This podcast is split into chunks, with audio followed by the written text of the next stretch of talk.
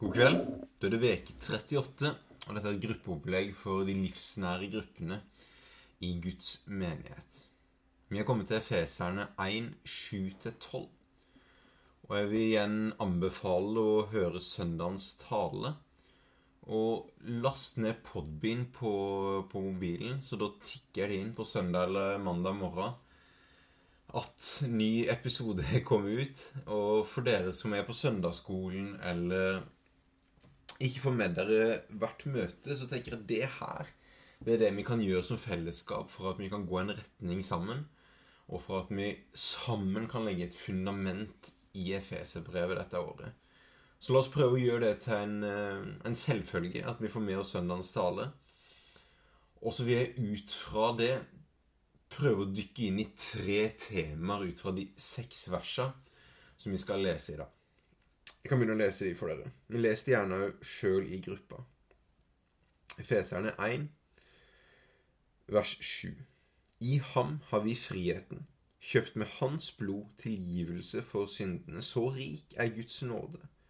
Latt strømme over oss med all visdom og forstand. Han kunngjorde for oss sin viljes mysterium, det han gjerne ville gjøre i ham. Han ville fullføre sin frelsesplan i tidenes fylde og sammenfatte alt i Kristus. Alt i himmelen og på jorden i ham.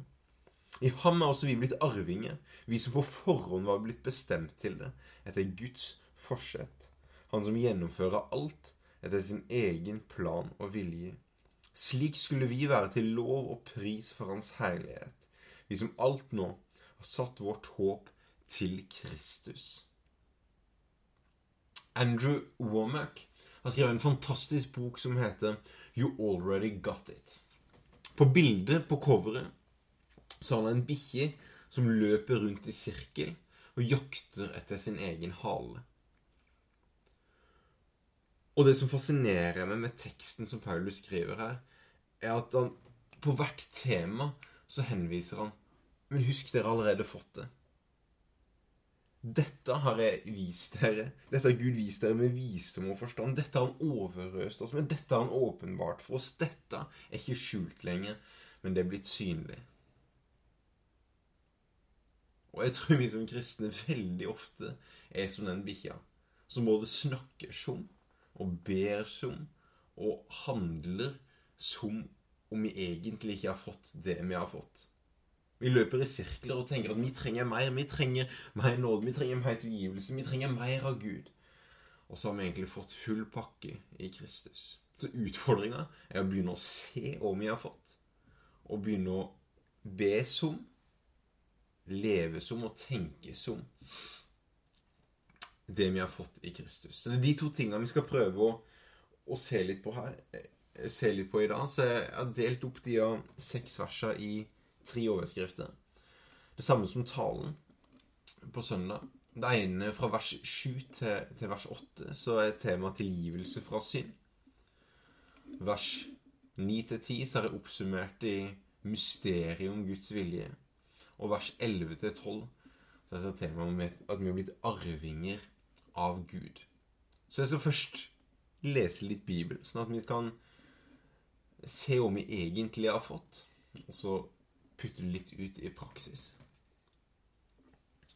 Her kan dere egentlig bare skru av uh, lyden hvis dere vil det, og så lese dette her sammen.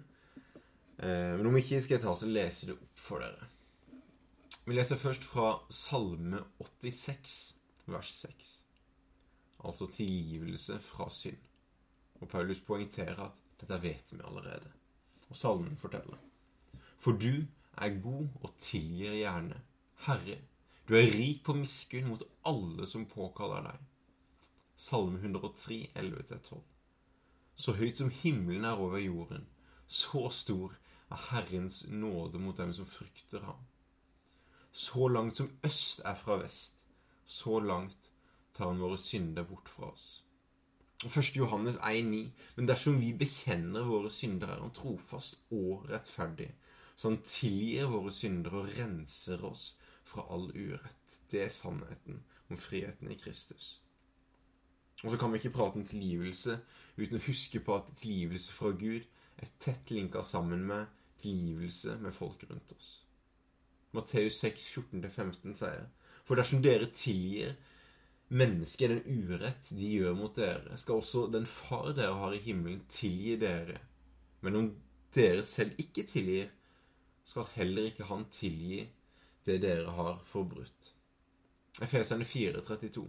Vær da gode mot hverandre, og vis medfølelse så dere tilgir hverandre, slik Gud har tilgitt dere i Kristus.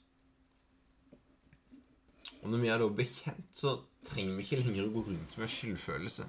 Salme 32, 5 sier Da bekjente jeg min synd for deg og dekket ikke over min skyld. Og jeg sa, jeg vil bekjenne mine synder for Herren. Og du tok bort min syndeskyld. Og det avgjørende med tilgivelse, at det ikke er bare for enkelthendelser, men på grunn av korset, så er vi ikke lenger under synd, men vi er i Kristus. Vi oppstår til et nytt liv i frihet. I Kolosserne 2, 13-14 står det Dere var døde på grunn av deres synder, uomskårne som dere var i deres onde natur. Men han gjorde dere levende sammen med Kristus idet han tilga oss våre synder. Og gjeldsbrevet som gikk imot oss på grunn av lovens bud, strøk han ut og tok det bort ved å nagle det til korset. Så er vi på punkt to mysteriet om Guds vilje. Jeg vil bare presisere at det går ikke an å snakke om Guds vilje uten å poengtere at summen av Guds ord er Guds vilje. Og Jesus prøver å oppsummere det her med å si at skal du oppsummere loven og profetene, så handler det om å elske Gud og elske mennesket. Og utover det så blir det egentlig bare teknisk leiting i Bibelen, der den prøver å finne de riktige orda, som i 1. Tessalonika brev 4.2. For dette er Guds vilje, at dere skal være hellige.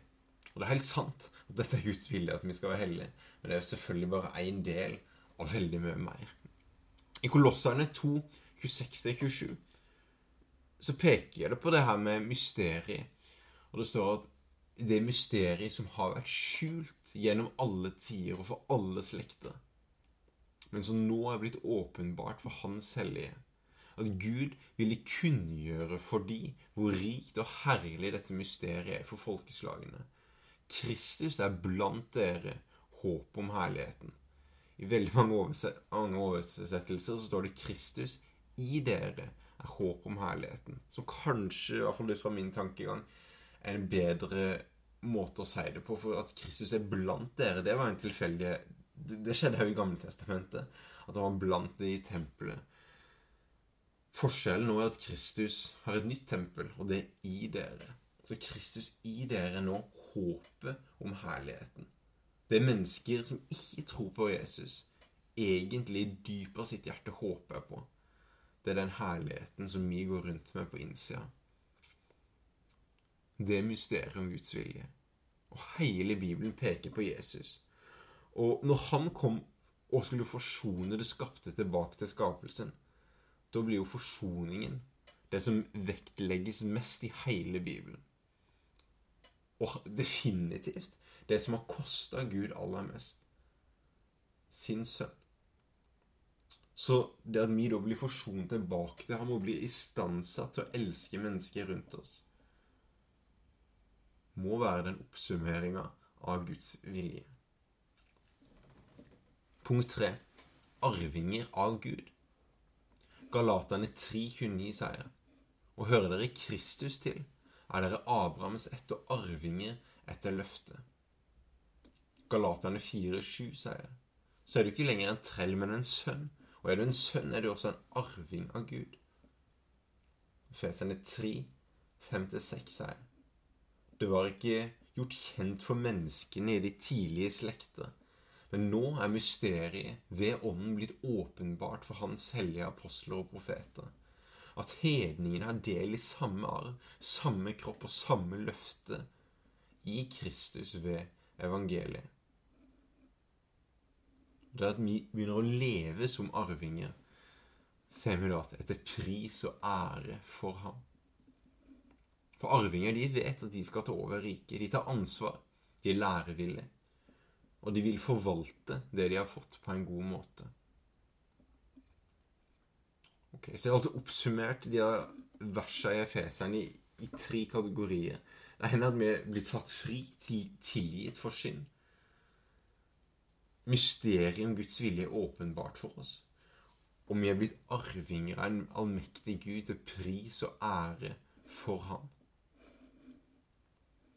Tilbake til den bikkja som peit seg i halen. Som hele tiden løp etter det som den allerede hadde fått. Det viktige for oss er å la de tingene her synke. At vi er tilgitt. Vi er arvinger. Og mysteriet er ikke skjult lenger. Det er blitt åpenbart, sånn at vi kan ta del i det og bli med og skrive historier sammen med Gud. Og så tror jeg at at fornyelsen av vårt sinn er det som fører til en forandra praksis. Akkurat som en, en, baby er født med akkurat like mange muskler som en profesjonell vektløfter. Forskjellen er at vektløfteren har over år belasta de musklene som gjør at det blir vanvittig mye større. Og jeg, og jeg tror at vi som kristne òg kan føle oss litt som babyer når det kommer til de her løftene, for vi har ikke begynt å praktisere dem. At Jeg tror ikke jeg har så mye av de gavene der, men kanskje er det pga. at du ikke har begynt å, å prøve det. Hva med tålmodighet? Det er en del av åndens frukt. Og ånden bor i oss som er kristne. Så det er ikke noe som vi trenger å be Gud om mer av. Det er noe vi allerede har fått. Åndens frukt er glede, fred, overbærenhet, vennlighet, godhet, trofasthet, selvbeherskelse. Det er blitt en del av identiteten vår. Men vi må begynne å tro at vi har fått det, og som begynner å leve som at, at, den freden vi har fått, er annerledes enn den som er i verden. Så derfor kan jeg ha fred selv om det stormer rundt oss. Jeg kan lov til å velge å være glad. Når jeg våkner om morgenen, så kan jeg velge å tenke ah, jeg har fått to timer for lite søvn. Eller så kan jeg velge å glede meg den dagen jeg har fått. Og det at du begynner å trene de fruktene av ånden, gjør at vi trener de musklene, og så blir de tinga mer synlige hos oss. Så i forhold til det med synd Kanskje vi kan skifte fokus og, og begynne å takke meg for at på grunn av korset så er vi blitt satt fri. Takke for at Gud faktisk ser på oss som hellige. Takke for at gjennom Hellig Ånd så minner Han oss på ting vi trenger å vende oss bort fra. Og Den hellige ånd gir oss kraft til å leve et hellig liv. Og det er mysteriet om Guds vilje. Takke for at Kristus i meg er håp om herlighet. Takke for at det er hans vilje at jeg skulle bli frelst. Takke for at det er hans vilje at han skal hjelpe meg til å elske Gud og elske mennesker. Begynne å takke for at vi er blitt arvinger. Takk for at han har gitt oss full pakke. Det er ikke noe vi bare trenger å vente på, men vi har allerede fått åndens humpant som et bevis på at vi tilhører et annet rike.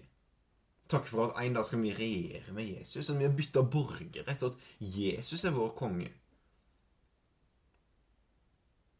Og kanskje jeg begynner å be om at pappaen vår i himmelen skal begynne å trene oss opp til å bli forvaltere som utruster sin kropp til full modenhet til den seiersfesten som venter oss i himmelen.